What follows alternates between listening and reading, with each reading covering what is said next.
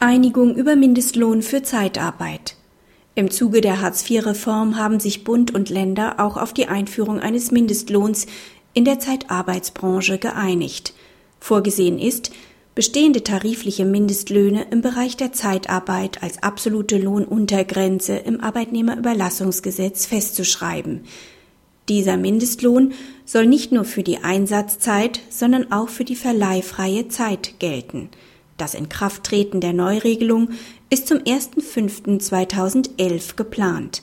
Mit diesem Regelungskonzept wird die Forderung der Gewerkschaft nach einem gesetzlichen Mindestlohn indes nicht vollumfänglich erfüllt, da bereits heute in der Zeitarbeitsbranche nahezu flächendeckend Tarifverträge gelten und somit praktisch für die betroffenen Beschäftigten ein Mindestlohn gilt